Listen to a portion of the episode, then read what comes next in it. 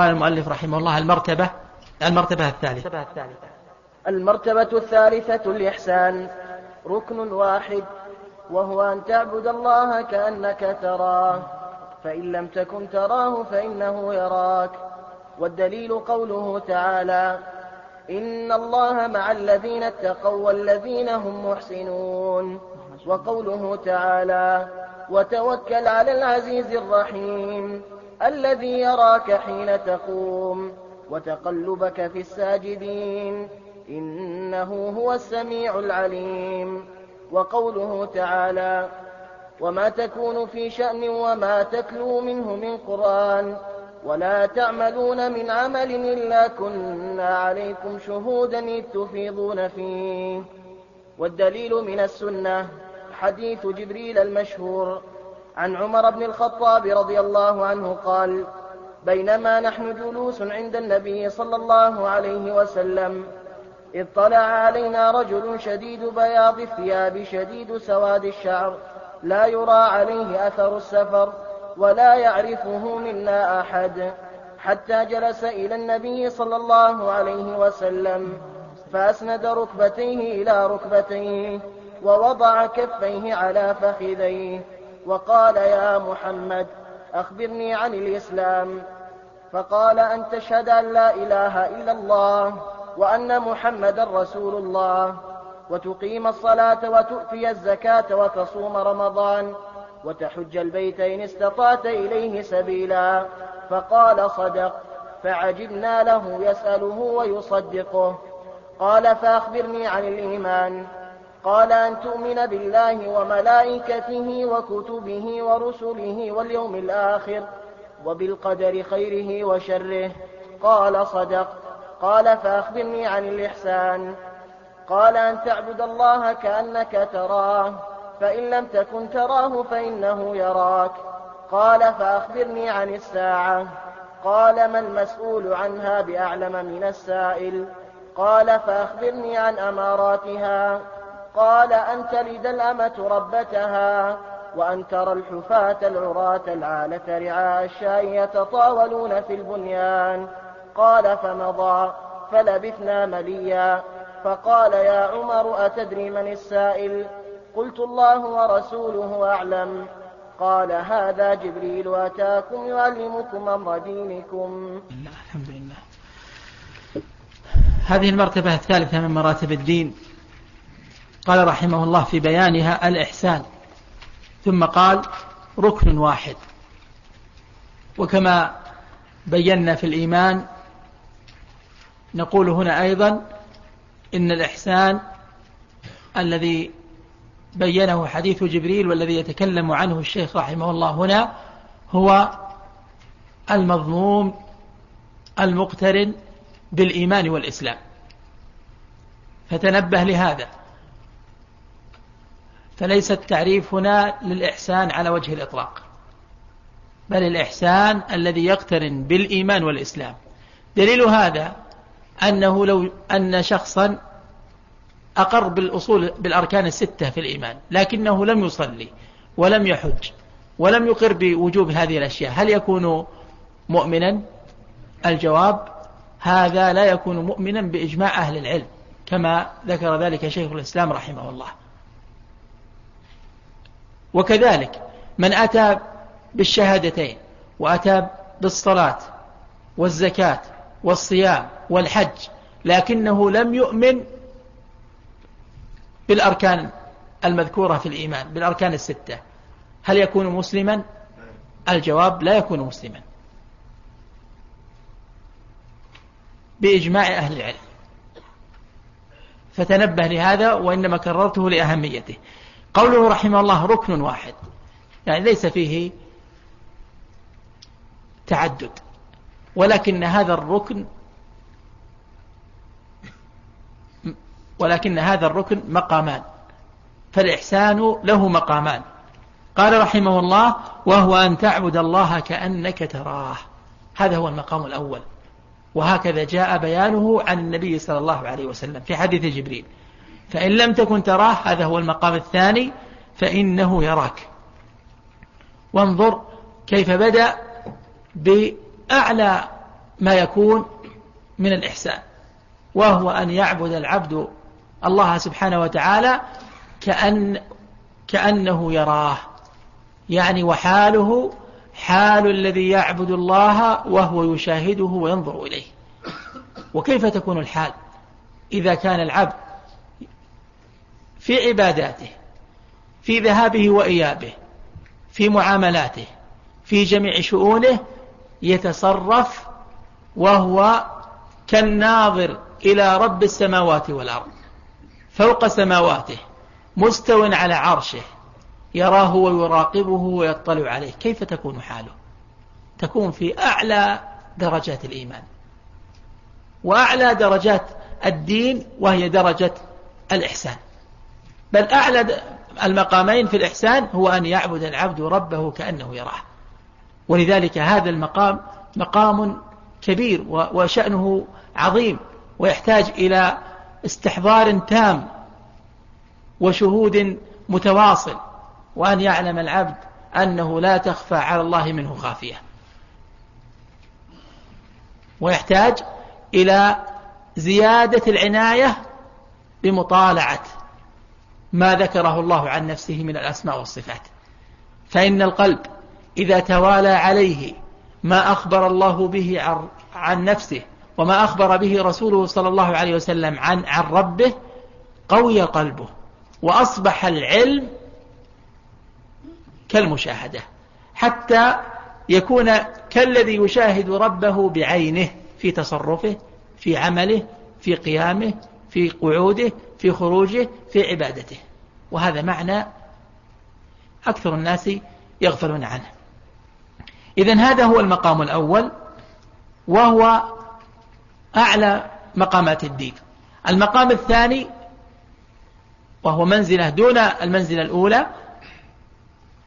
فإن لم تكن تراه فإنه يراك. وهو استحضار مراقبة الله عز وجل واستحضار اطلاعه سبحانه وتعالى عليك يا عبد الله. واعلم أن اطلاع الله ونظره ورؤيته وعلمه لا يقتصر على ظاهر حالك بل الظاهر والباطن عند الله سواء.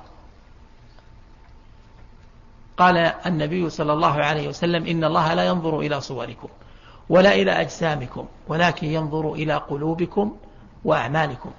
فنظر الله عز وجل لا يقتصر على حال الإنسان الظاهرة بل يشمل الظاهر والباطن. ثم ذكر رحمه الله الدليل على هذه المرتبة فقال والدليل قوله تعالى إن الله مع الذين اتقوا والذين هم محسنون. فأثبت الإحسان في قوله والذين هم محسنون. وهذا يشمل درجة الإحسان ومقام الإحسان.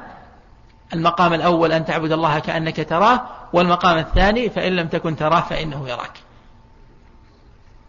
وقوله وتوكل على العزيز الرحيم الذي يراك حين تقوم وتقلبك في الساجدين إنه هو السميع العليم. فيه دليل على أي المقامين من مقامات الإحسان؟ على المقام الثاني وهو استحضار رؤية الله عز وجل للعبد. فالله عز وجل يأمر نبيه صلى الله عليه وسلم أن يتوكل عليه. فيقول وتوكل على العزيز الرحيم.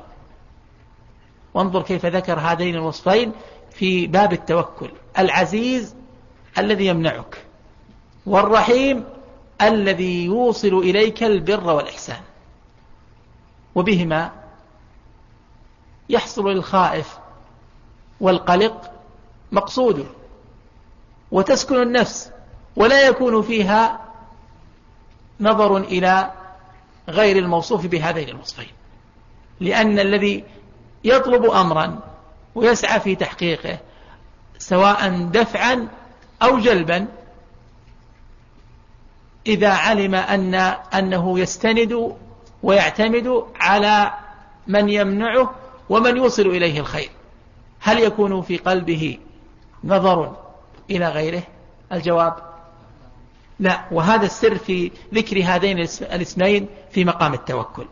الذي يراك حين تقوم وهذا فيه إثبات رؤية الله عز وجل لعباده. حين تقوم أي في صلاتك وعبادتك. وتقلبك في الساجدين. أي وتغير أحوالك في العبادة من قيام وركوع وسجود. وهذا فيه الحامل للعابد أن يحسن العبادة. أنت إذا وقفت في صف الصلاة وأردت الدخول فيها فاستحضر هذا الأمر. أن الله جل وعلا يراك. وستجد لهذا الاستحضار أثرا في إحسان العبادة وتجويدها. وإصلاحها والمبالغة في إحسان العمل. قال وتقلبك في الساجدين إنه هو السميع العليم. وهذا فيه إثبات سمعه سبحانه وتعالى وفيه إثبات علمه جل وعلا. وهل السمع كالعلم؟ الجواب لا. أيهما أشمل وأوسع؟ العلم. فالله يسمع مقالك ويعلم بجميع أحوالك.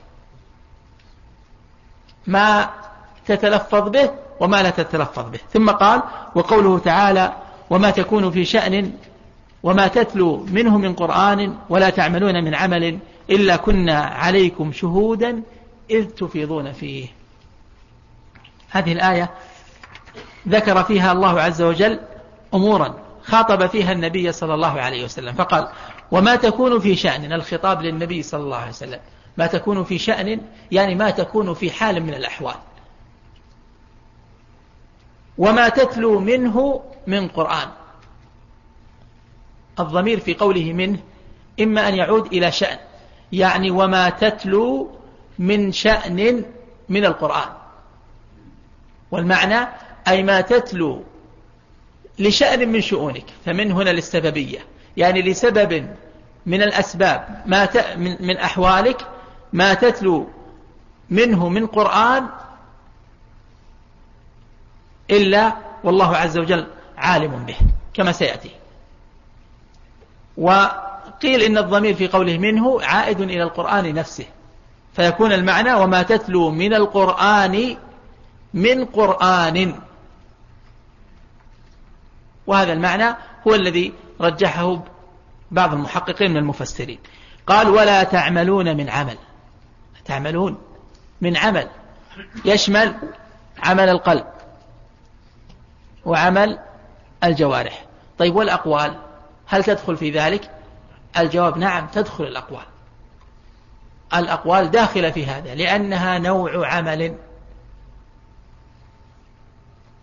إلا كنا عليكم شهودا وهذا الشاهد من الآية وهو إثبات شهود الله عز وجل. على أحوال العبد وأنه يراه وأنه مطلع عليه سبحانه وتعالى. لا تخفى منه من شأنه خافية. قال إلا كنا عليكم إذ شهودا إذ تفيضون فيه يعني إذ تدخلون وتشرع وتشرعون وتقبلون فيه. يعني في هذه الأعمال التي قال ولا تعملون من عمل. وهذا فيه تمام شهود الله عز وجل واطلاع على حال العبد. وهو دليل على أي نوع على أي مقام من مقامات الإحسان. الدليل على المقام الثاني. ما هو المقام الثاني الأخ؟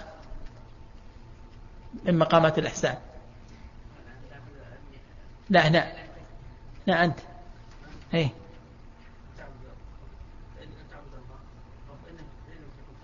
فإن لم تكن تراه فإنه يراك. هذا هو المقام الثاني من مقامات الإحسان.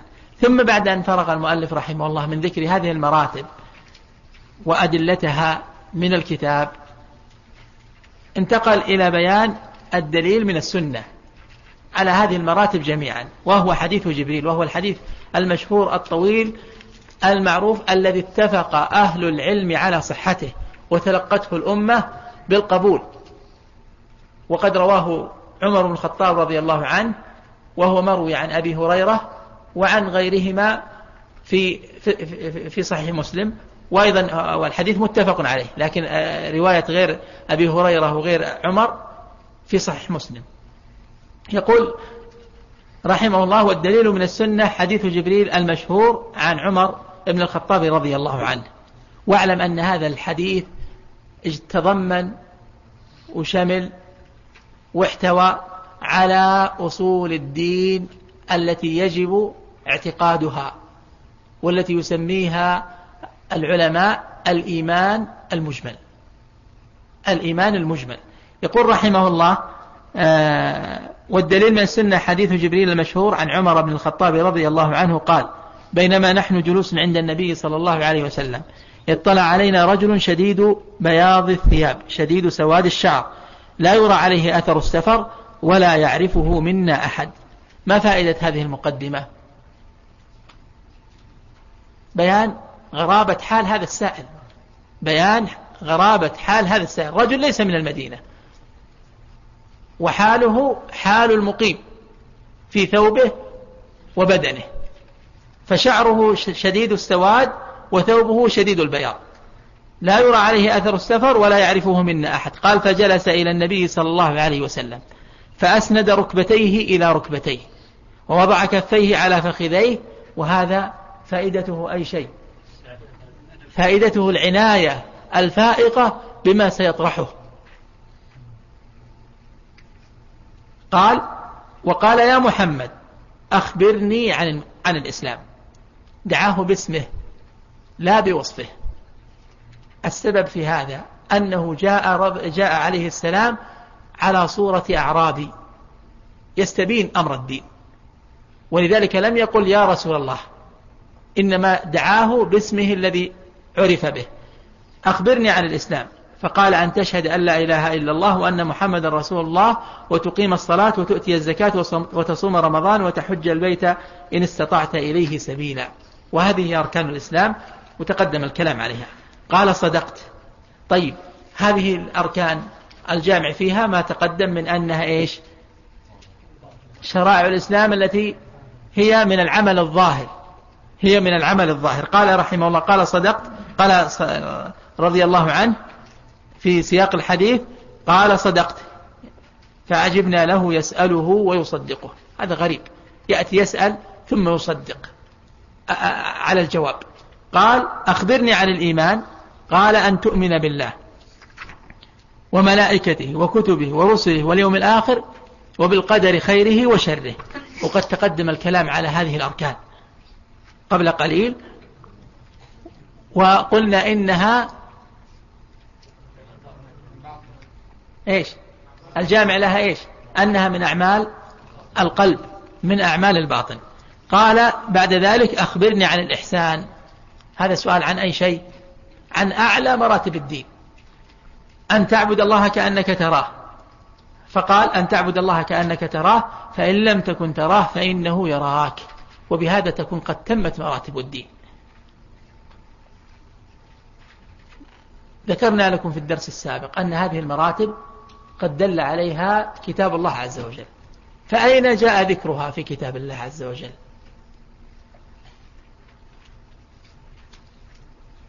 نعم يا أخي.